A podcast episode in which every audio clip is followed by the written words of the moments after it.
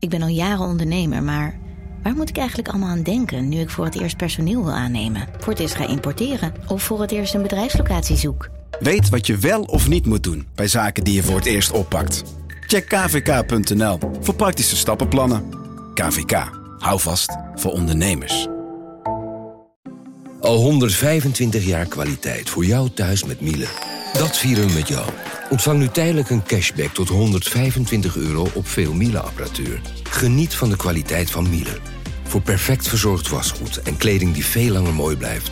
Voor een stralend schone vaat, even perfect als jouw diners. En een stofvrij thuis waarin echt hygiënisch schoon de standaard is. Check miele.nl voor alle feestelijke aanbiedingen.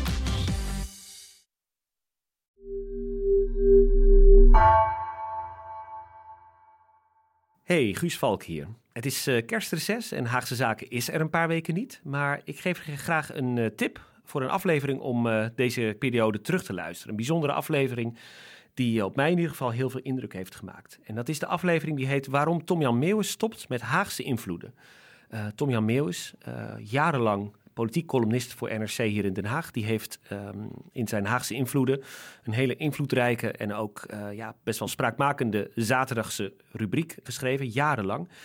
En in deze aflevering van Haagse Zaken, waarin hij terugblikt op deze uh, tijd als columnist, vertelt hij ook over zijn methode, over zijn werkwijze, die hier in Den Haag echt uniek is. Ik raad je daarom echt aan om deze aflevering, uh, voor zover je hem nog niet kent, terug te luisteren. Veel plezier bij het luisteren. En ik spreek je na het kerstreces.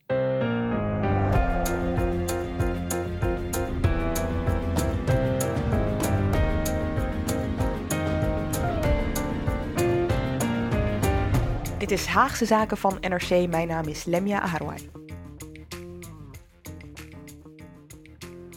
4 februari 2012. Het was de koudste dag die we tot nu toe in deze eeuw hebben gekend. Het vroor in Nederland tot 23 graden.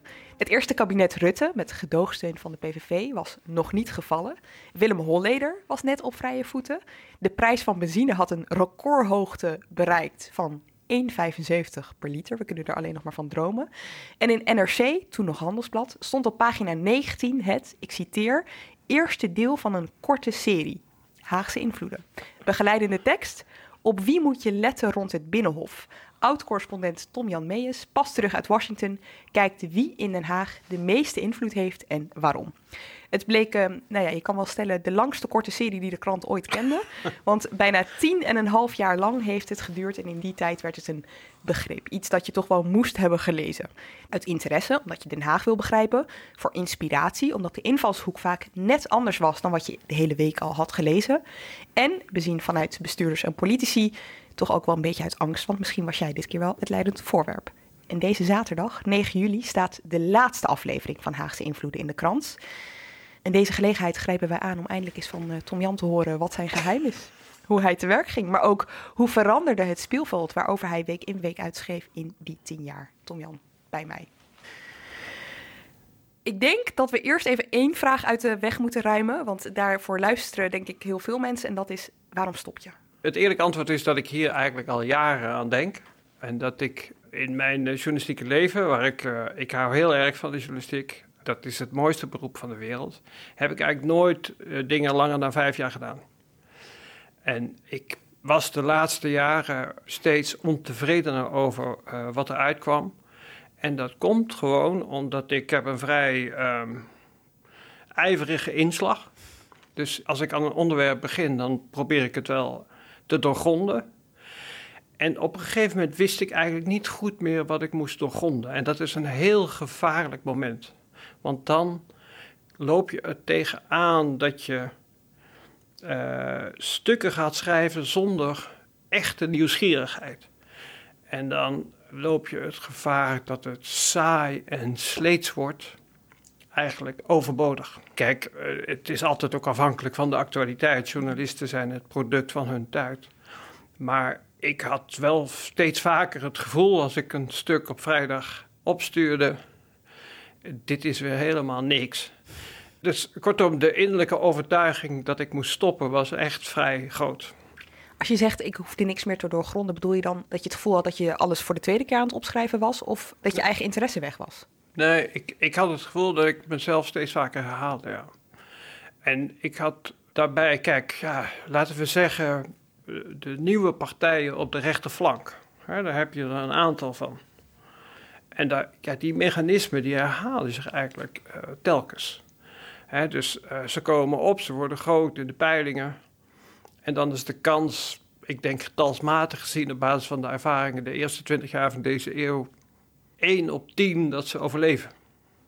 Dus ma maak eens concreet, je hebt En dan, nou, dan hebben we hebben nu de fractie van Haga. Misschien is dat uiteindelijk een hele kansrijke partij.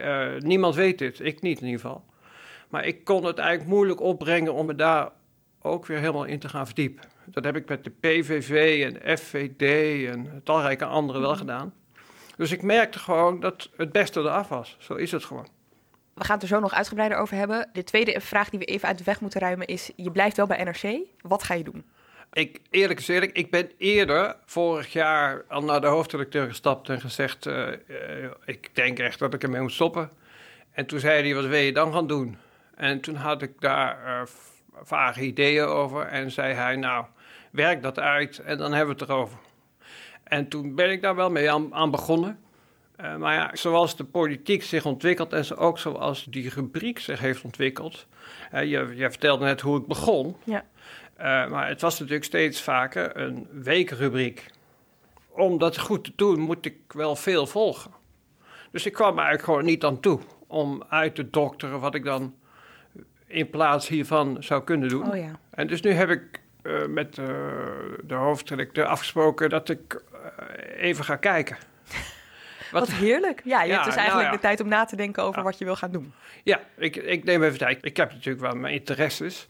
Maar ik, ik wil heel graag een beetje op iets meer afstand van de actuele politiek gaan opereren. Maar dus wel nog steeds wel rakend aan de politiek? Dat zou kunnen. Dat, kijk, dat moet ik echt uitdokteren. Dus dat... Kan jij zonder politiek? Oh, met gemak. Ja. Echt? Ja, absoluut. Ja.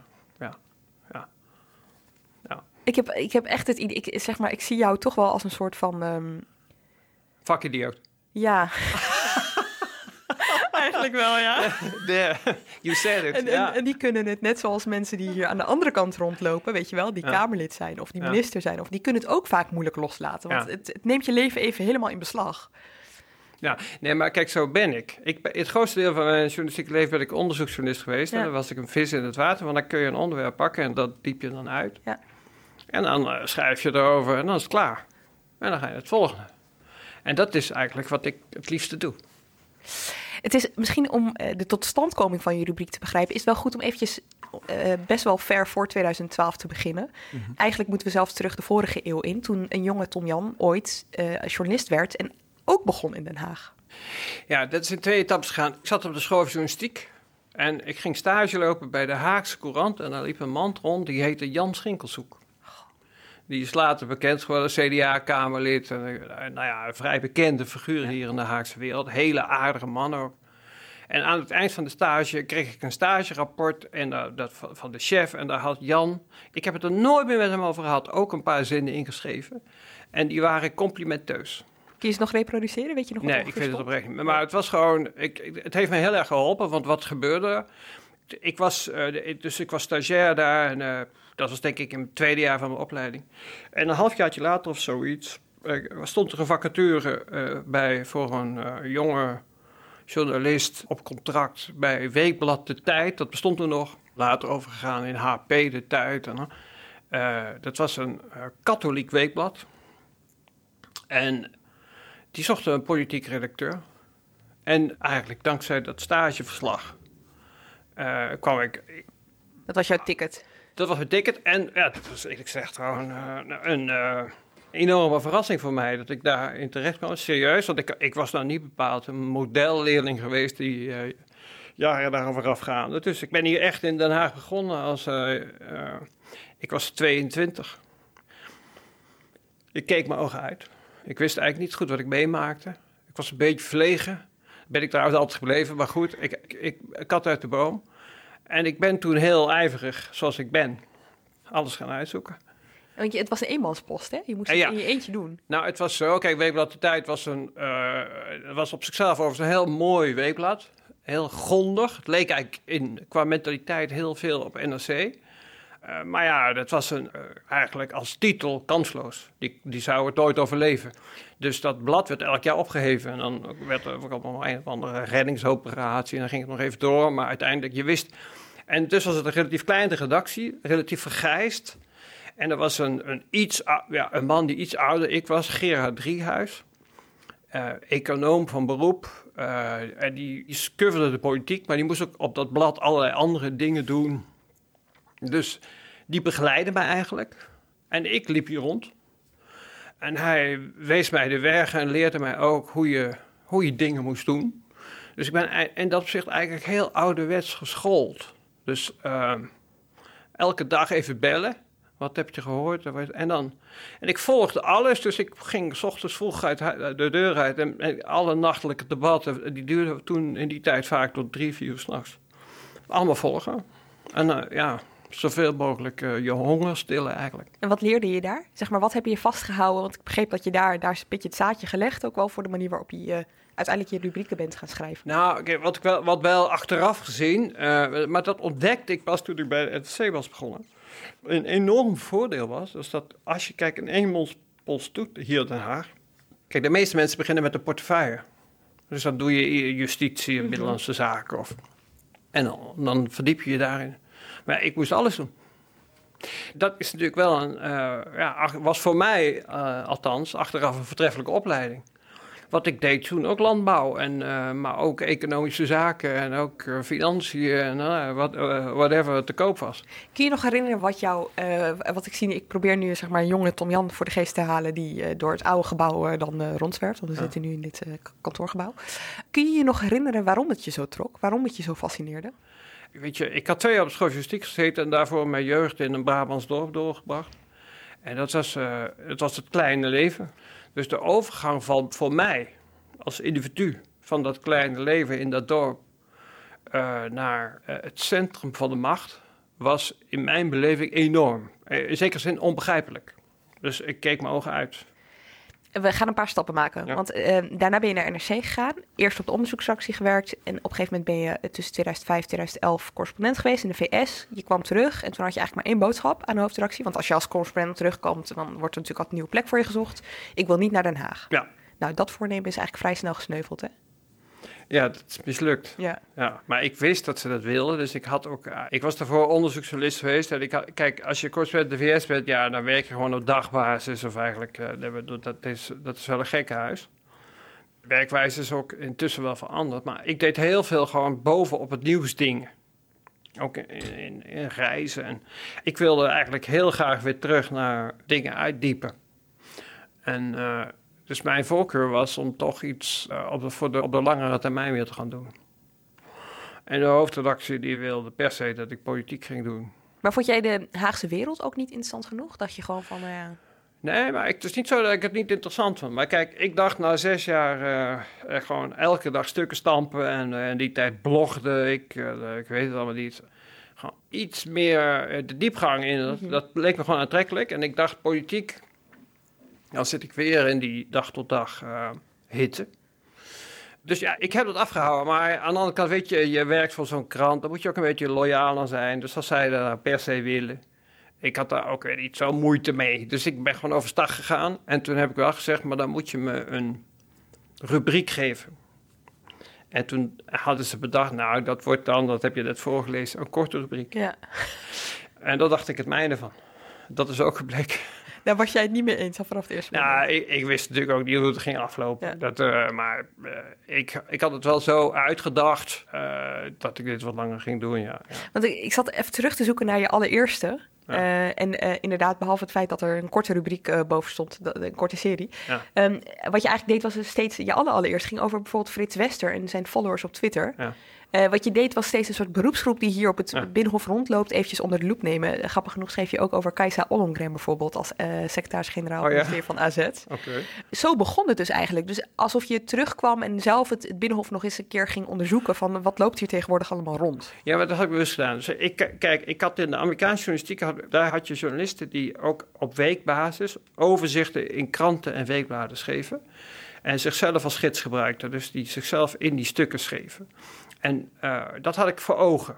ik heb er geen exacte kopie van gemaakt, maar dat was wel de. En ik dacht ook, toen ik hier eenmaal zat. Ja, kijk, ik kende wel een aantal mensen, maar de meeste kende ik niet. Ja. Ik moet gewoon die beroepsgroepen in beeld krijgen. Dus wat doe ik? Op wie moet ik letten om Den Haag te begrijpen? Zet ik erboven. En ja, dat was eerlijk gezegd geen toevallig gekozen zin, omdat ik dacht, ja, kijk, daar willen mensen wel tussen staan. Dus het gaf mij ook een eh, opening Ja, ja. Om met zo- zo'n beetje alle beroepsgroepen die je kunt bedenken, die ik kon bedenken in ieder geval, eh, eh, in gesprek te komen. Het was eigenlijk een soort eh, handige manier van netwerken. Ja. Door middel van een rubriek. En dan Ja. melden mensen Ja. zich ook wel bij jou. Ja. Na die eerste drie maanden mocht je dus blijven? Ja. Moet je er nog over onderhandelen? dat is- eh, ben je bijna ik zei, ja, nee, volgens mij, kijk, die rubriek, die is dus door de, allemaal, dat was allemaal gedoe. Dus dat is een paar keer opgegeven. En dat heb ik gewoon genegeerd. Ik zei, ja, maar ik ga door, ik ben nog niet klaar. En eh, volgens mij kan dit nog wel even, weet ik veel wat. Maar ze probeerden die rubriek dus uit de krant te krijgen op een Nou gegeven ja, kijk, ik, eerlijk, dat is heel veel met zo'n, eh, op zo'n krantenredactie. Er zijn altijd heel veel mensen bezig met beleid maken en zo. En mijn eh, houding is daar altijd een beetje geweest van... ik snap het en ik vind het ook goed dat het gebeurt. Maar ja, ik hoef me niet per se in alle keuzes te schikken. Ja.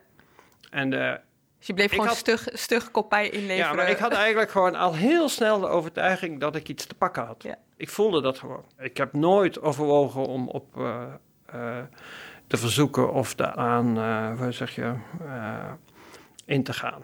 Ja, Het is wel, ik moet zeggen, als je door die eerste versies heen bladert. Ja. eh, je had overigens toen nog Hajo hè, als, eh, Ja, als ja, cartoonist. dat is nu eh, Ruben Oppenheimer. Je stond dan, ik zei het net al eventjes, ergens op pagina 19 aan het begin. En je ziet door de jaren heen dat het zich steeds meer naar het begin van de krant eh, verplaatst. Maar wat ik interessant vind is dat je zegt, nou, in de VS had je, heb, je, heb je deze manier van journalistiek meer. En Anne Vondeling jury van de Anne Vondelingprijs, die won je in 2014, die noemde het ook een, een genre op zich. Hè? Het is een beetje atypisch. Het is geen column. Ja. Eh, het is ook niet gewoon verslaggeving. Het is jezelf er wel inzetten, maar het is niet heel nadrukkelijk een soort eh, mening. Ik wil even iets meer eh, weten over door wie heb je je laten inspireren? In de VS wil je? Ja, Oh, dat, er waren eigenlijk twee auteurs. De ene heette Frank Rich. Die schreef toen in eh, de New York Times... Ik weet niet of ze dat nu nog hebben. Een week in review. Dus dat is, gewoon- die hadden gewoon een apart katern. Een papieren krant die ik toen nog las. Ik lees hem nu elektronisch, dus ik weet niet of het nog bestaat. Maar op zondag hadden die gewoon een apart katern. Dit is er deze week gebeurd. En in dat katern stond de politieke rubriek van Frank Rich. En die had geen rol in de verslaggeving van de krant. En die keek terug, verbond kwesties met elkaar. En schreef zichzelf daarin. En ik merkte dat dat een hele mooie vorm was. En aan het eind van mijn correspondentschap kwam ik een keer eh, in aanraking, eh, het een lang ingewikkeld verhaal, met eh, mensen die op Columbia University in New York onderzoek doen. Dat kon toen door de opkomst van het internet steeds beter. Hoe krantenlezers lezen en wanneer lezers geïnteresseerd raken en op welke gronden ze afhaken. En daaruit bleek, daar kwam eigenlijk maar één feit enorm helder naar boven. En dat is, als een journalist zichzelf in een stuk schrijft, vergroot je enorm de attentiewaarde van het stuk. Dus dan zijn mensen eerder geneigd om het uit te lezen. En ik had zelf eh, voor die tijd ook alle, eh, laat ik zeggen, cliché-opvattingen over eh, ik-journalistiek. Die kunnen jij en ik zo uitwisselen. Hè? Dat hoort niet. Ja. We zijn toch. je moet juist jezelf zoveel je moet- mogelijk Het gaat niet om jou. al die Ja. In mijn hoofd zit dat ik toen een presentatie heb gezien, maar misschien heb ik hem online gezien. Dat kan ook. Het was zo overtuigend dat ik dacht, ja, dat moet je gewoon doen. Maar het probleem was natuurlijk, deze aanpak, laten we elkaar niet voor de gek houden, die scheurt natuurlijk met de journalistieke aanpak van de NRC. Hè, NRC die wil feiten en meningen scheiden en wil niet eh, uitgaan van eh, een individuele reporter, die wil uitgaan van eh, hoe de wereld in elkaar zit. Dus hier, die spanning heeft ook altijd ingezeten, dat is gewoon zo. Het heeft iets fascinerends, omdat het niet een soort van ehm, ik vind achtig stuk is, weet je wel, van eh, nou ja, ik ben Tom Jan en dit is wat ik eh, deze week eh, vind. Het zijn meer observaties waarin je op een vaak subtiele wijze wel kan lezen wat jij vindt ergens van, zonder dat je het erbij zet. Nou kijk, dat is niet koket bedoeld, maar ik, vind opre- ik ben persoonlijk totaal niet geïnteresseerd in mijn eigen mening. Dat is gewoon zo. Ja. Ik, werk, ik werk anders. Ik heb eigenlijk altijd honger naar informatie, dus wat ik ook doe, ik begin de week en ik ga allerlei onderwerpen of personen af. Ik laat me niet leiden door één eh, idee of uh, invalshoek of onderwerp. Ik zuig zoveel mogelijk op. En als ik daar aan het eind van de week zo op donderdag mee klaar was, dan ging ik eens kijken wat ik ging schrijven. Dus ik draaide het om. Daarmee bedoel je dus eigenlijk, normaal werken we hier, er gebeurt iets, je gaat erop af en dan is dat de basis van een stuk. En jij dacht gewoon, ik ga zoveel mogelijk rondbellen op maandag. Hoe, hoe werkte dat dan? Een beetje afhankelijk van de, de periode. Dus in het oude gebouw, daar ging ik gewoon rondlopen. Dat heb ik jaren gedaan en dan kwamen we mensen tegen. En uh, eigenlijk van alles, hè. dus niet alleen Kamerleden, ministers, maar ook... Uh, de baas van de nationale politie of de voorzitter van het college van procureurs-generaal of een lid van de Hoge Raad of whatever. Dat vond ik eigenlijk ook altijd zo interessant. Kijk, de meeste politieke journalisten, en zo, zo heb ik ook politieke journalistiek mhm. bedreven hoor, jarenlang, mhm. die gaan natuurlijk allemaal uit van ministers en Kamerleden. En ik heb eigenlijk altijd meer gekeken naar wie zijn uh, de spelers eromheen. Wie beïnvloeden de politici? Waarom? Omdat die openhartiger waren of omdat, om, uh, omdat die inhoudelijker waren? Of waarom ze... Omdat mij dat gewoon meer interesseerde. Want de Haagse agenda is een reflectie van het opinieklimaat en de mediaagenda. Dus er wordt eigenlijk in de Nederlandse politiek heel weinig geopinieerd. In de zin dat politici. Uh, Zelf agenderen, bedoel je dat? Right. Ja. Die, die laten het gebeuren. En uh, opinieklimaat en mediaagenda, dat is geen wiskunde. Dat zijn geen harde feiten. Maar het bestaat natuurlijk wel. En actualiteit, ook een betrekkelijk vaak begrip als je eerlijk bent, is daarvan afhankelijk. En de agenda hier wordt daardoor eigenlijk voortdurend, ja, ik zou bijna zeggen verstoord, maar in ieder geval bepaald. Ja. En en dat is soms vrij letterlijk. Hè? Vorige week eh, is een debat over de rechtsstaat uh, moest plaatsmaken voor een debat over uh, de boeren. Ja. Ik hoor dit namelijk vaker, hè? Hm. Maar als je kijkt naar de commissiezaaltjes, als je er langs loopt, dan is daar wel degelijk ook wel gewoon, wordt er ook wel gewoon geagendeerd, toch? Het bestaat naast elkaar. Het is niet per se.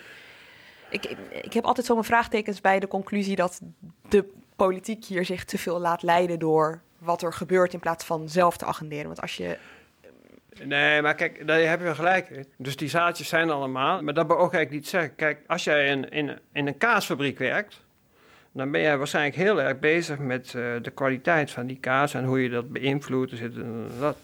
Maar uiteindelijk, de consument ziet alleen maar die kaas die eruit komt en proeft hem. Ja. En zo werkt het met politiek ook. Dus die zaaltjes, ja, dat zit ik ook heel vaak te volgen. Maar daar, Kijk, daar kraait geen haan naar. En onze lezers en de kiezers, die weten er geen moe van.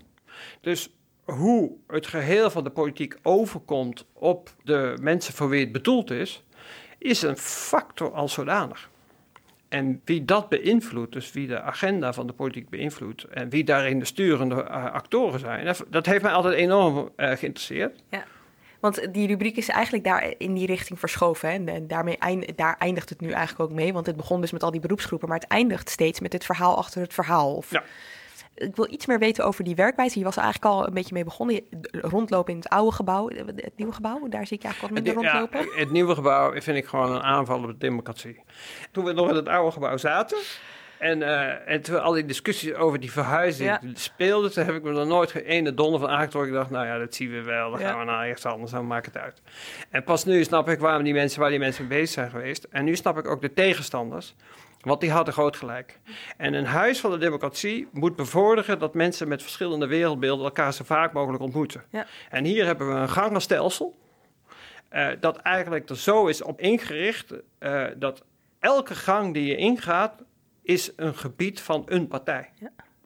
En dus heb je eigenlijk, is het alleen, gebeurt het alleen nog maar in de vergaderzalen, waar politici, dat is hun natuur, allemaal hun rol spelen, dat ze elkaar ontmoeten. Want je kunt hier dus prima nu uh, Kamerlid zijn en los van de vergaderingen die je bijwoont, nooit iemand van een andere partij ontmoeten. Ja. En dat maakt het ook voor journalisten. Kijk, als je daar, laten we zeggen, de SP of de SGP gaat dan is, en je bent op de gang van die partij, is, de kans niet zo groot dat mensen een beetje vrij gaan praten. Want dan zitten ze in hun eigen kokon.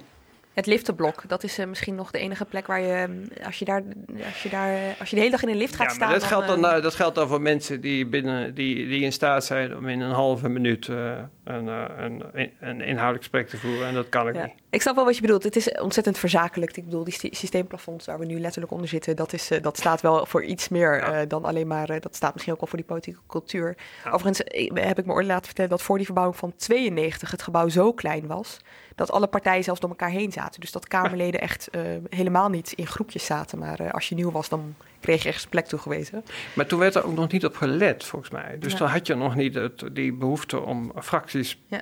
Maar ja, dat is ook echt een andere tijd. Hè. Kijk, je had toen eh, fracties van 50 man. Ja. Eh, Dus die kon je gewoon niet in één eh, hoek van het gebouw kwijt. Maar goed, door deze gangen heb jij dus heb jij minder stappen. Nee, ik heb het hier wel geprobeerd, maar dat heeft geen enkele zin. Nee. De Eerste Kamer heeft trouwens ook zo'n verschrikkelijk gebouw. Dat viel me ook zo op. Die hebben, ook dan nog, die hebben bovendien ook nog hele goede beveiliging eh, aangesteld. Dus, eh, dus ik word daar voortdurend geweigerd. Word, je wordt als journalist daar gewoon niet toegelaten. Het is zo heel fascinerend eigenlijk. eens even. Dus je hebt daar een paar, een paar keer voor een dichte deur Ik heb nou, niet een dichte deur, een portier die me niet toeliet. Maar wat dan wel echt interessant dan is, is dat het besef van wat eh, dit systeem zo prachtig maakt, toch blijkbaar uit de hoofden van de mensen die dit allemaal bedacht hebben, is verdwenen. Dat vind ik eigenlijk, daar, dat gaat niet meer gebeuren, maar op zich is dat een stuk waard. Want wat hebben die mensen gedacht? Denken ze nou echt dat je eh, de democratie kunt bevorderen? Want dat is toch het hele idee van de Tweede Kamer, de Staten-Generaal. Als je een gebouw eh, eh, zo inricht dat mensen, dat mensen met verschillende wereldbeelden elkaar eigenlijk niet, steeds moeilijker kunnen ontmoeten. Dat is toch te krankzinnig voor woorden als je erover doordenkt. Maar goed. Ja, het, het is efficiëntie geweest dat, eh, dat, dat het allerbelangrijkste is geweest. Het is een heel efficiënt gebouw. Ja, oké. Nou, succes met efficiëntie zou ik Ja, zeggen. god, ja. Kijk, ik ben er geen fan van. Hè? Laat ik dat even vooropstellen. Maar ik probeer een beetje empathie te tonen voor degene die het ooit heeft gedaan.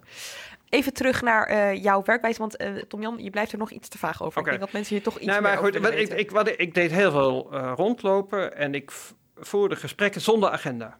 Dus ik zei nooit tegen iemand, ik wil met jou over dat en dat praten. Ik zei, ik wil met jou praten. De meeste Kamerleden krijgen van de voorlichting training. Ja, En sommige fracties die leren dat heel goed. Dus die zeggen eigenlijk, die komen tegen en die zeggen altijd tegen jou... Lem, ja, waar ben je mee bezig? dat klopt. Ja, dat zeggen ze. En mijn antwoord was altijd, eh, ja, wat maakt dat nou uit? Waar ben jij mee bezig? En eh, ja, kijk, je moet in de hoofden van politici proberen te komen. En als jij in termen van Haagse invloeden gaat spreken, je hebt dus allemaal actoren. En die, die zijn eigenlijk voor een deel, dus er komt hier heel veel maatschappij binnen. Eh, en, dat, en dat betekent eigenlijk dat je, denk ik, ziet dat die politieke agenda een soort speelbal van de maatschappelijke werkelijkheid is. Maar dat, als je dat doorredeneert, ja, dat is eigenlijk gewoon in lijn met de poldertraditie. Dus dat, eigenlijk klopt dat wel. Maar er is één ding bijgekomen, dat is het grote monster, het monster van Den Haag, en dat is de mediawerkelijkheid. En eigenlijk zie je, en dat zag ik scherper toen ik uit de VS terugkwam, dat eh, politici zich eh, steeds professioneler zijn gaan wapenen tegen de mediawerkelijkheid. En ik zag dat en ik dacht dat kun je alleen maar oplossen door buiten die mediawerkelijkheid te blijven. Dus nooit te zeggen eh, waar ik mee bezig ben, maar altijd door te vragen waar ben jij mee bezig. Uitsluitend gesprekken op achtergrond te voeren. Ja, dat is eh, iets om even bij stil te staan. Hè? Want Ja, maar dat, kijk, als je formele interviews doet. Enfin, ik heb, toen ik die eh, prijs won, moest ik een praatje houden. Toen heb ik gewoon, ik weet eerlijk gezegd, ik weet niet meer hoe rigoureus ik het heb gezegd, maar in mijn hoofd zat, hou op met die politieke interviews. Ik vind ze zinloos. En dat kwam omdat mijn ervaring was, iedereen voert die gesprekken op achtergrond, maar ik deed al heel snel alleen nog maar gesprekken op achtergrond. En ik heb zo vaak meegemaakt dat ik dan s'avonds uh, Nova of uh, Nieuwsuur keek. En dan een interview zag met de politicus. Die had ik dan een paar dagen eerder gesproken. En dan zei hij tegen mij precies het omgekeerde van wat hij op de camera zei. Dat is een oefening. Hè? Dat is een rol geworden. En het heeft, geen, het heeft niks met de werkelijkheid te maken. Nou, niks. Niet veel. Eigenlijk, be- het is nog wel even goed om uit te leggen. Een gesprek op achtergrond betekent dus eigenlijk iemand is bij jou, normaal in de journalistiek geldt, iets is uh, on the record, dus met naam en toenaam, mm -hmm. uh, behalve als anders afgesproken. Bij jou was het andersom. Bij jou ja. was eigenlijk alles niet herleidbaar opgeschreven, ja. behalve als je het anders afsprak. Right. Dat gaf aan mij ook een aanvullende mogelijkheid. Spannende politiek is eigenlijk altijd als er conflicten zijn er geweest en die moeten beslecht worden. En, dus, en dat is, gaat bijna altijd tussen een hele kleine groep mensen. En als je pech hebt, zijn het er twee. Die verschrikkelijke ruzie hebben gehad. Ja. Ik noem één voorbeeld. Dat zijn de momenten die mij dan mateloos fascineren. Ja, ja. In de zomer van, ik denk dat dat 2015 of 16 was, speelde het tweede Griekse steunpakket in Brussel. Rutte had in de campagne beloofd, dat gaan we niet doen. Geen cent meer naar de Grieken. Right. En Halbe Zijlstra was hier toen eh, fractievoorzitter van de VVD. Er was een, er was een hele straighte man. En die, die dacht, ja, wat krijgen we? Dus die was er gewoon tegen. Dus dat werd een enorm groot conflict in de top van de VVD. En ik heb er enorm veel tijd in gestopt. En uh, er zijn momenten geweest in die geschiedenis dat een meerderheid van de VVD-fractie het een uh, denkbare oplossing vond dat uh, de keuze van Rutte om dat steunpakket te steunen moest worden afgewezen. Dus dat was een enorme crisis. En die twee hebben dat samen opgelost. En ik heb diverse versies gehoord van wat die oplossing was. Ja. En even heel belangrijk, ik weet niet of het klopt. Maar ik, ik, zal, ik zal het vertellen gewoon voor de sake of... Het, voor, de om, mijn, om mijn werkwijze Ja. uit te leggen. Ja. De spannendste versie die ik daarover gehoord... is dat Rutte tegen Zijlstra heeft gezegd... nadat hij het overigens had gewonnen. Hè, dus uiteindelijk heeft de VVD-fractie ingestemd... met eh, de keuze van Rutte om voor het, eh, het tweede Griekse steunpakket... Eh, dat Rutte tegen Zijlstra heeft gezegd... dit flik jij mij nooit meer. Je kan fractievoorzitter blijven... Eventueel kan je minister worden. Maar als dit nog één keer gebeurt, is het afgelopen. Dus hij dwong hem tot loyaliteit. Dit was de, de, Dit is de versie spannendste versie van, van de deal die ik, toen heb, die ik toen in varianten heb gehoord. Hier ben ik niet uitgekomen, want voor zover ik weet hebben die twee dit niet op papier gezet. En dat, deze was ook zo kwetsbaar, dat kon waarschijnlijk ook niet. Je hebt een ander soort conflicten en die gaan binnen coalities. En nu moet ik het anoniem doen, maar dan eh, die ook gierend uit de hand liepen. En die twee coalitiepolitici kunnen zijn fractievoorzitters, kunnen zijn fractievoorzitter en een minister. Kunnen, eh, dat variant heb je allemaal. Waarbij ze hun ruzie bijlegden. En wat de, heel erg de neiging is van ha- eh, Nederlandse politici, is om dat dan even op papier te zetten. Of in een appje. Wij hebben afgesproken, punt 1, 3. Waarom? Dat, dat, is, ja, dat is natuurlijk controle, controledrift. Zodat je er later op terug kan komen. Zo ja, het heeft natuurlijk geen enkele zin, maar oké. En voor mij is dat in een aantal, best een groot in een bepaalde periode, een enorm goede bron geweest. Want wat gebeurde, dan had je die. Dan zei ik tegen de mensen die ik daarover sprak. Kijk, als twee mensen een afspraak hebben gemaakt. En één van die twee vertelt jou wat de afspraak is. Dan weet de ander. Dan moet, je, dan moet je het gaan checken bij de ander, Ja. maar dan verraad je de bron. Precies. Dat kan niet. Toen heb ik één keer tegen iemand gezegd: Ja, maar wat je ook kan doen, is gewoon mij dat appje of mailtje of wat het ook was, signal, laten lezen. Dan heb ik een tweede bron. En dan weet ik gewoon dat het zo is. En dan zegde ik toe: Ik zal er niet uit citeren. Dus dan kan je uit mijn stuk niet afleiden dat ik het zeker weet. En de enige die weet dat ik het zeker weet, ben ik, Ja, de auteur. ja. En dat bleek ook tot de verrassing van sommige van die politici eh, enorm effectief. Dat is En- echt. eh, Dus dan, oké, dus dan had je het ingezien. Ja. Dan schreef je niet op dat je iets had ingezien. Eigenlijk schreef je alleen de informatie op Right. die je dus bevestigd had gekregen. En dat heb ik uiteindelijk ook met notulen van de ministerraad. Je kan het zo gek niet bedenken gedaan. Ik kan het nu wel vertellen. Ik heb v- begin vorig jaar, was dat, wanneer was dat? T- Het is nu ja, 2021. Had, je die, had je die kwestie met die eh, sensibiliseren? Ja. De Eh, en notulen uit de ministerraad waarin was gesproken Ja, over Piet. Omtzigt. En die, ja, ja. Ik, ik heb dat gewoon gelezen. Voordat ze werden gepubliceerd. Nee, ik heb over die, die, dat conflict in de ministerraad. Heb ik in, ja, ik weet niet uit mijn hoofd, maar iets van januari, februari vorig jaar, dus voor de verkiezingen. Ja, je had er al eerder over geschreven. En ik heb toen, omdat ik zei, ik ga niet citeren, heb ik het woord sensibiliseren vertaald in temperen. Ah. Temperen had ik gebruikt. Maar dat was de afspraak. Uit mijn stuk zou niet blijken dat ik ze gelezen had. Dat is voor mij een hele vruchtbare manier geworden. Ik kan het nu vertellen, want het, is, het, het feest is afgelopen. Eh, een hele vruchtbare manier geworden om om die dingen. Kijk, en dan was het gewoon. Hey, ik, werd, ik werd ook getipt door uh, spindokters en, uh, en, en, en uh, voorlichters, voorlichters en ja. politieke assistenten en wat je allemaal hebt hier. tekstschrijvers en soms bodes, ja, allemaal tipgevers. Maar ja, kijk, dat, dat is prima. Maar uiteindelijk moet je de feiten hard krijgen. En uh, ja, ik heb ook vergissingen gemaakt, door daar gaat het niet om. Maar ja, ik, zo werkte ik en, uh, en ik ging wel heel ver om het zo precies mogelijk in Want beeld te die, krijgen. die spannende versie van dat conflict tussen Rutte en Zelstra, Ja. die- waar je net over vertelde, heb je dat opgeschreven uiteindelijk? Nee, heb ik niet gedaan. Maar daarom vertel ik het ook Ja. eh, echt onder nadrukkelijk voor dat ik het niet weet. Ja, Dus dat heb ik niet gedaan. kon ik niet doen. nee, maar goed, daarmee kun je dus laten zien. Dus eh, zoiets hoor je dan, het is spannend, het zou goed scoren, maar eh, dat doe je Ja, niet. maar ik was hier zo gefrustreerd over dat ik toen heb gedacht: hier moet ik iets verzinnen. Ja. En dat heeft er dus toe eh, geleid Nou, dat leidde tot deze. tot deze werkwijze. Dus Nou ja. mensen wisten eigenlijk ook al wat ze je konden bieden als ze, als ze je iets wilden vertellen. Nou ja, daarna is het wel gebeurd. Maar goed, weet je, dat is voor. eh, eh, kijk, dit, dit is ook weer wel zo. kijk, dit type conflicten. Kijk, dit- over die notulen. nog even. Dat was eigenlijk gewoon in de kern een conflict tussen Rutte en Hoekstra. Je had het toeslagenrapport. Was eh, eh, naar de Kamer gestuurd, eh, onderzoekscommissie. En het kabinet moest in een aantal etappes eh, daarover bepalen wat de reactie zou worden. En daarboven hing de vraag: gaat het kabinet vallen, ja of nee? En in een van de eerste vergaderingen, ik weet niet meer precies welke, zei Hoekstra: Ik vind dat we, dat we veel opener moeten worden. En dat we van deze affaire moeten leren. Dat die besloten houding die we hier tot nu toe eh, hanteren, dat dat eh, passé moet zijn.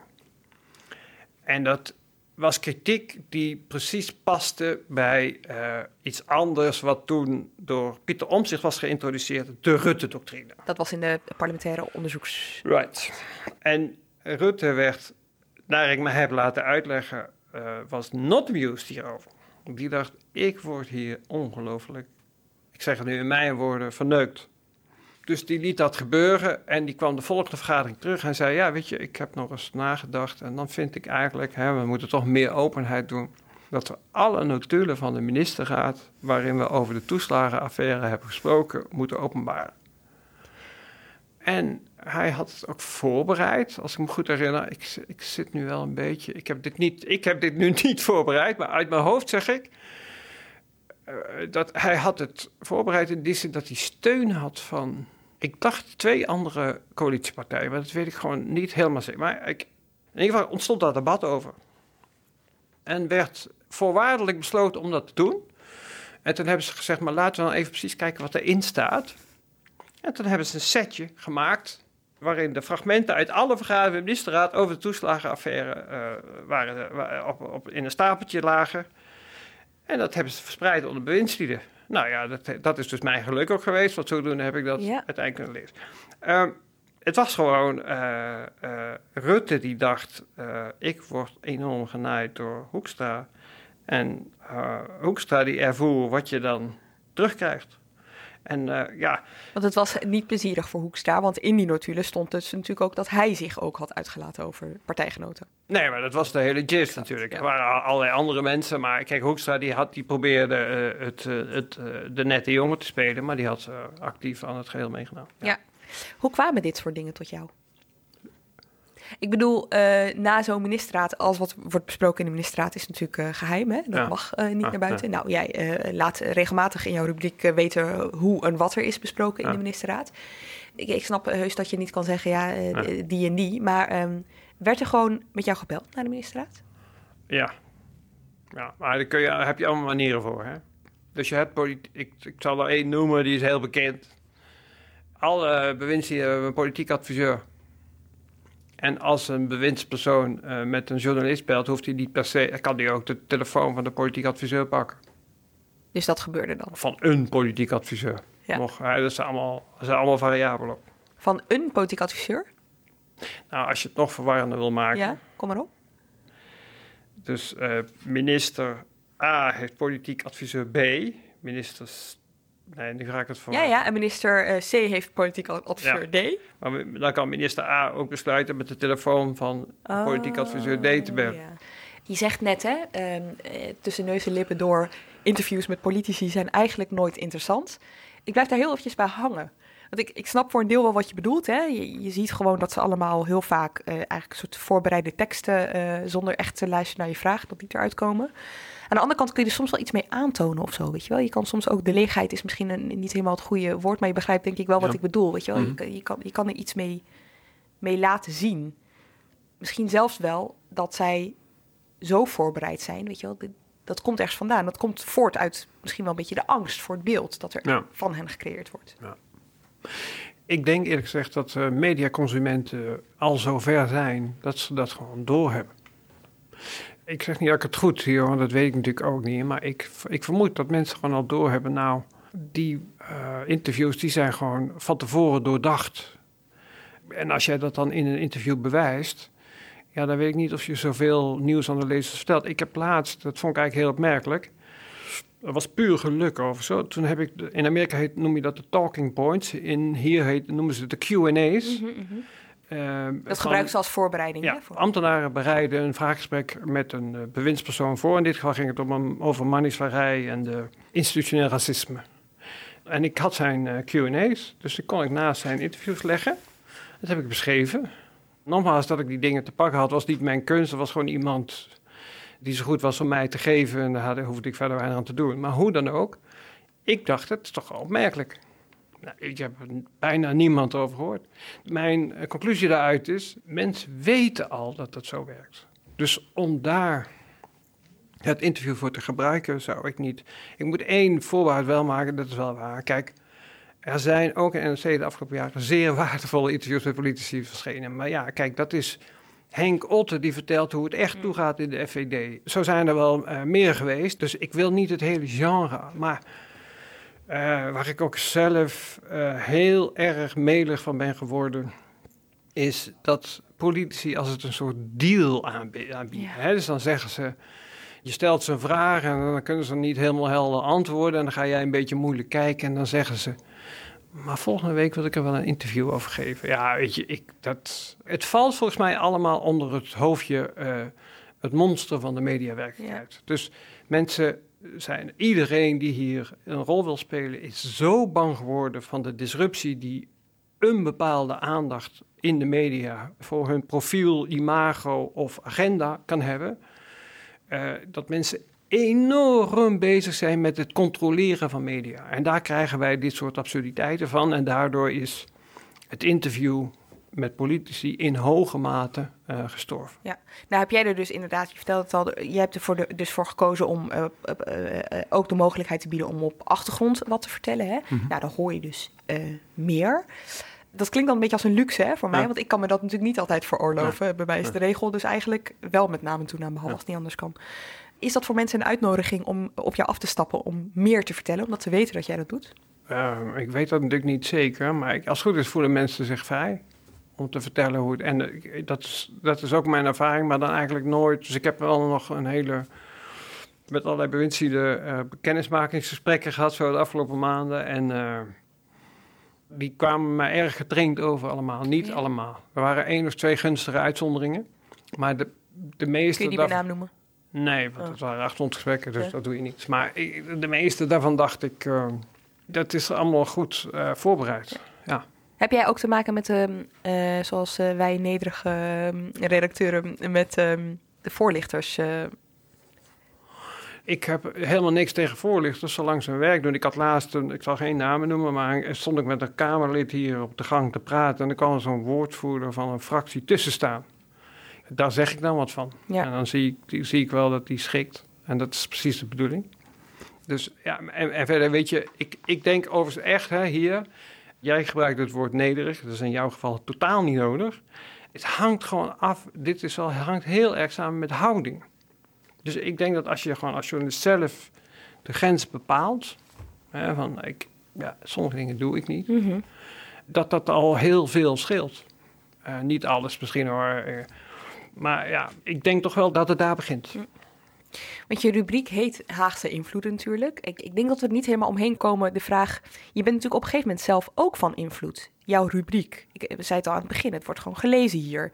Merk je dat Het is misschien niet de beste vraag, maar ehm, heb je dat door? Heb je door dat je soms zelf ook in die zin dat mensen pogen om jouw rubriek te gebruiken om of zichzelf beter op de kaart te zetten of een collega minder goed op de kaart te zetten? Zie je dat? Nee, maar kijk, dat, ik, ik, natuurlijk doen mensen dat. Kijk, dat, komt ook, dat heeft ook met mijn houding te maken, want ik zeg tegen iedereen, echt tegen iedereen, als je iets hebt, uh, laat het me alsjeblieft weten. Dus uh, het is helemaal niet zo dat ik daar uh, boven ga staan of zo. Ja. En dat mag iemand. Ik heb enkele jaren iemand gehad die in het ledenrestaurant van de Kamer werkte en mij ehm, dingen doorgaf over wie met wie zat te eten wanneer. En dat was soms heel handig. Ja. Uh, maar ja, ik, een spindokter mag mij ook tippen hoor. Daar ben ik echt niet. Ik, ik, dat hele verhaal van je mag niet met die mensen praten, wat een kletskoop. Goede bronnen zijn goede bronnen. En dat kunnen, ze kunnen spindokter zijn of uh, kelner in het ledenrestaurant. I couldn't care less. Als het, en ik, ze weten allemaal van mij. Uh, geef het me en ik ga checken. En klopt het niet, dan heb je er niks aan. Dus dan, ik ga ook nooit klagen als het dan niet klopt zo. dan gooi ik het gewoon weg en dan denk ik, next. Kelners van het ledenrestaurant. Ja, was een, ja, was een hele goeie. Hij werkte niet meer. Overigens, dit was iemand, die kende ik niet, die kende mij. Dus die bood zich aan. Maar het is overigens wel zo, hè, dat, uh, dat heb ik al eerder gemerkt, ook met anderen. Ja, kamerpersoneel ziet heel veel. Ziet echt heel veel. Ik wil even met je terug naar wat je net vertelde. Je spreekt dan soms uh, politici op achtergrond. Dan zie je ze een, een week later bij uh, een actualiteitsrubriek iets compleet anders zeggen. Heeft dat je hm. cynisch gemaakt? Nee, het is voor mij altijd makkelijk gebleven om met volle energie uh, te werken. En als, als je cynisch bent, kun je dat niet meer. Maar ik heb wel een soort, ik, ik noem het gezond realisme. Er zijn wel, uh, maar goed, dan raken we eigenlijk aan het gevaar waar we dit gesprek mee begonnen. Dus ik zie wel dingen gebeuren waarvan ik denk, ja, het is wel heel waarschijnlijk dat dat niet goed afloopt. Noem eens een voorbeeld. De groei van de boerburgerbeweging. Iedereen kan zien dat Caroline van der Plas een heel vaardig Kamerlid is.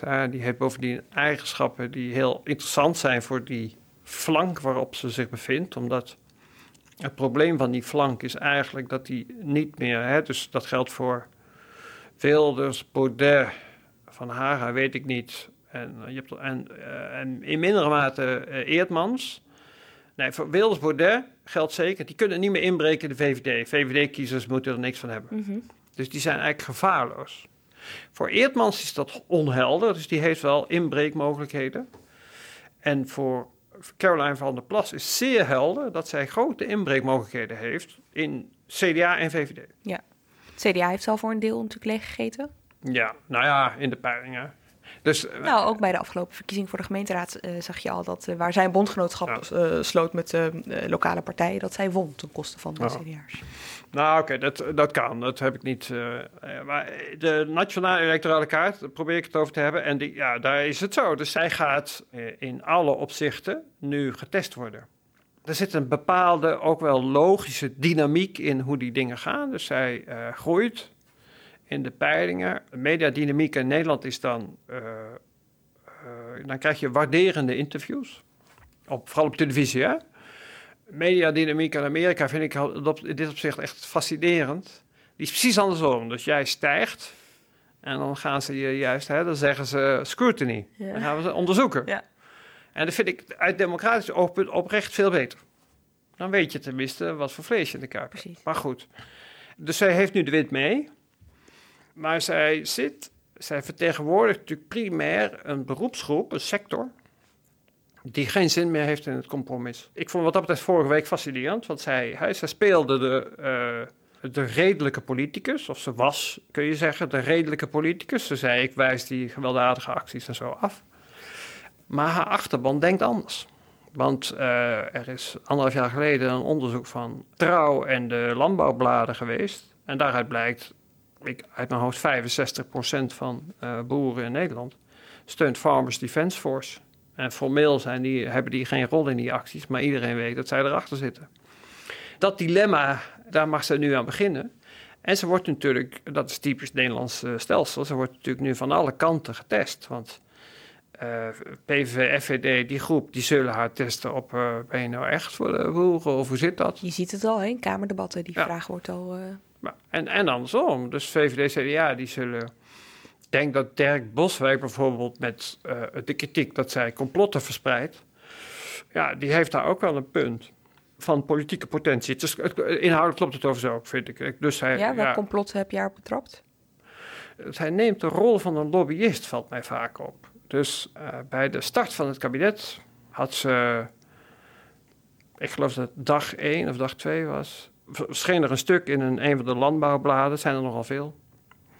En uh, daaruit bleek dat in een, een onderzoek naar uh, het, nieuwe uh, stikstofbeleid, uitgevoerd door een ambtenaar, adviezen niet waren opgenomen. Ambtelijke adviezen niet waren opgenomen, stond in het stuk.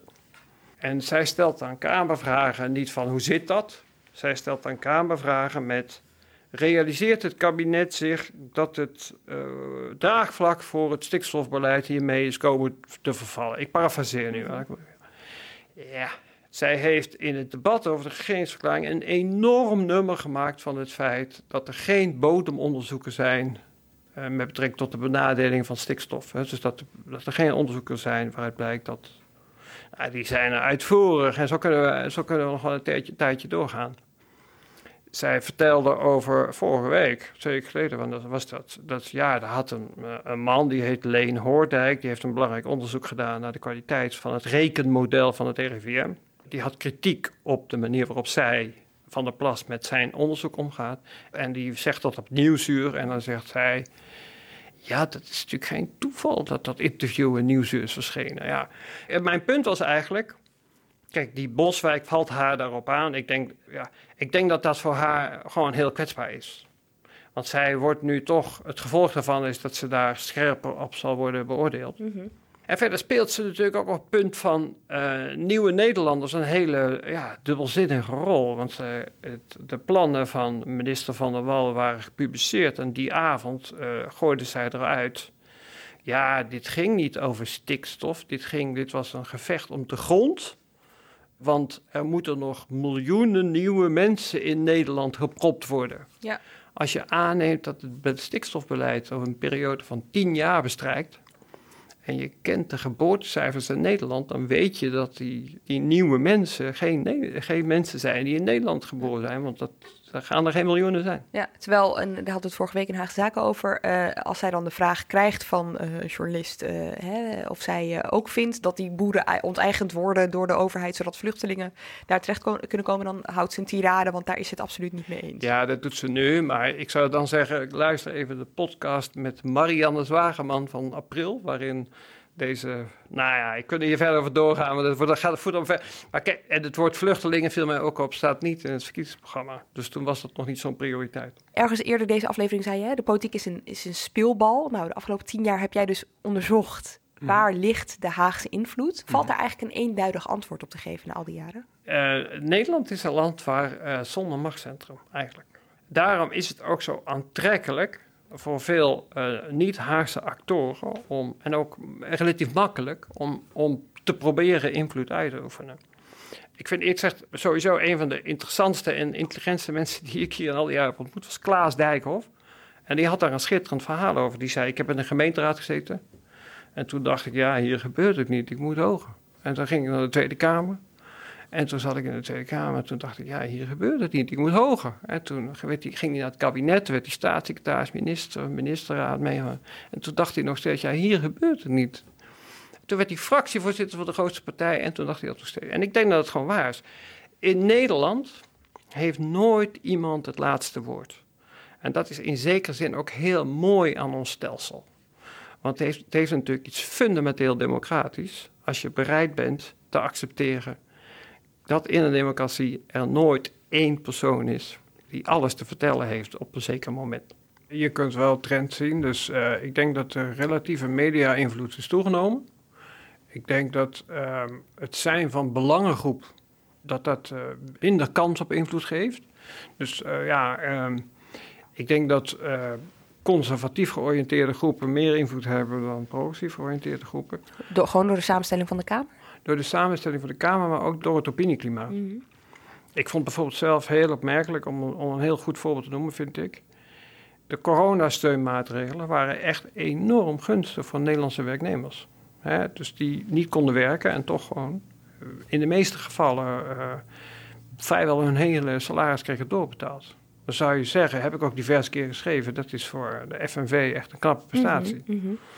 Maar dat is niet opgemerkt. Ik, dat heb ik verder heel weinig gelezen. Dus dat, dat geeft die dingen aan, denk ik. Degene die, uh, die het effectiefst zijn, zijn degenen die het best in staat zijn de mediawerkelijkheid op een hele korte termijn te verbuigen. Die hebben de meeste relatieve invloed. Ja. En, en dat is toch in veel gevallen zijn dat uh, uh, mensen met uitzonderlijke, radicale, exceptionele acties. Noem eens een voorbeeld. Kijk om je heen, kijk, kijk naar buiten, de boeren. Je, ik denk coronademonstranten eigenlijk ook. Dat was natuurlijk op het grote geheel van, als je zag hoeveel mensen zich hebben laten vaccineren, was dat natuurlijk in getalsmatige termen mm. echt een, een piepkleine minderheid. zo rond de 10 procent. Maar zo vocaal. En zo vocaal en zoveel aandacht. Dus ja. Eigenlijk is dus invloed hangt niet meer zozeer samen met wat het ooit klassiek misschien wel was met een functie. Uh, maar meer met een manier van aanpak. Nou, eh, kijk, Den Haag is, een, is helemaal ingesteld op het idee dat, uh, dat de maatschappij een grote invloed wordt toegekend. De invloedrijkste politieke stroming van Nederland in de vorige eeuw was de, waren de christendemocratische partijen. En die hebben dat gewoon altijd in hun uh, beginselen gezet. Hè? Dus wij zijn er voor de maatschappij, de maatschappij moet die toe. Dus, en dat zit heel diep verankerd in, in het stelsel. Dus in, in dat opzicht klopt het ook uh, dat Den Haag een speelbal van, van maatschappelijke actoren is. Uh, kijk, het monster van de mediawerkelijkheid heeft dat spel volledig veranderd, omdat invloed geen stabiel gegeven meer is. Dus je kunt uh, door het opinieklimaat van de ene op de andere dag enorm te beïnvloeden, gecombineerd met het feit dat de Tweede Kamer een enorme voorkeur heeft voor spoeddebatten en dus daar ogenblikkelijk op in te springen, kun je langdurig lopend beleid heel gemakkelijk voortaan destabiliseren. En ik denk eigenlijk dat dat het grootste gevaar is van wat hier gaande is. Want als het stelsel zo gemakkelijk te destabiliseren is, kan het natuurlijk ook in verkeerde handen komen. Ja. En wij hebben natuurlijk al een hele grote groep partijen aan de rechterzijde van de VVD, die dezelfde uh, verschijnselen vertoont dan die uh, succesvolle coronademonstranten en, en boeren nu. En dat is compromisloosheid. Ja. En niet zozeer een verlangen om uh, in een lopend maatschappelijk conflict een overeenkomst te sluiten met andersdenkenden, maar om de eigen opvatting en de, het eigen belang door te drukken. Nog luider te verkondigen eigenlijk. Right. En dat is een, uh, een, in mijn ogen, maar kijk, ik ben iemand die altijd heeft gevonden dat het compromis de hoogste vorm van beschaving is. In mijn ogen is dat een echte serieuze bedreiging van hoe het hier gaat. Dat is eerlijk gezegd ook een van de redenen, uh, aanvullend door op wat ik eerder zei, maar dat ik ermee stop. Omdat ik denk, kijk, ik houd het ook voor mogelijk dat mijn uh, lage waardering hiervoor, dat het eigenlijk niet meer in deze tijd past. Dus dat je beter andere uh, mensen, mensen met een frissere, jonge blik, dit kunt laten verslaan. Uh, omdat het best ook mogelijk is dat niet die ontwikkelingen het probleem zijn, maar dat ik de ontwikkelingen niet helemaal meer uh, uh, bij de hand heb. Ik denk dat er lezers of luisteraars zijn die nu denken dat zou juist een uitgelezen kant zijn om het wel te blijven doen, omdat je het nog wel ziet. Ja, maar op zo'n manier kunnen we bezig blijven natuurlijk. Dat, in die redenering uh, kan ik het doen tot ik, nou ja. Nee, het is gewoon goed. Kijk, mensen komen, mensen gaan. Ik heb zelf, die anekdote kan ik je ook nog kwijt. ik heb toen ik als jong verslaggever hier werkte, gebeurde het. Ik meen dat uh, NRC, die, die krant, die las ik toen al uh, fanatiek uh, van politiek columnist en commentator wisselde. En toen zaten wij met een paar jonge journalisten bij elkaar. En zeiden wij, nou, deze klap komt NRC niet te boven. Ja, herkenbaar ja. geluid, ja. En drie weken later waren we dat allemaal vergeten. Nou, we gaan kijken hoe snel je in de vergetelheid raakt. Ik geloof er helemaal niks van. Dankjewel, Tom-Jan. Tom-Jan Mees. Dankjewel. Dank ook voor het luisteren redactie en productie van deze aflevering waren in handen van Ignaas Schoot. montage door Pieter Bakker. Volgende week begint dus het reces. Wij zijn er ook één weekje tussenuit, maar uh, daarna zijn we er gewoon wel weer. Eigenlijk iedere week gewoon met een aflevering om je bij te praten over onderwerpen die vaak wel zijdelings aan bod komen in Haagse zaken, maar waar we nu eens goed de tijd voor willen nemen. Heel graag, tot dan!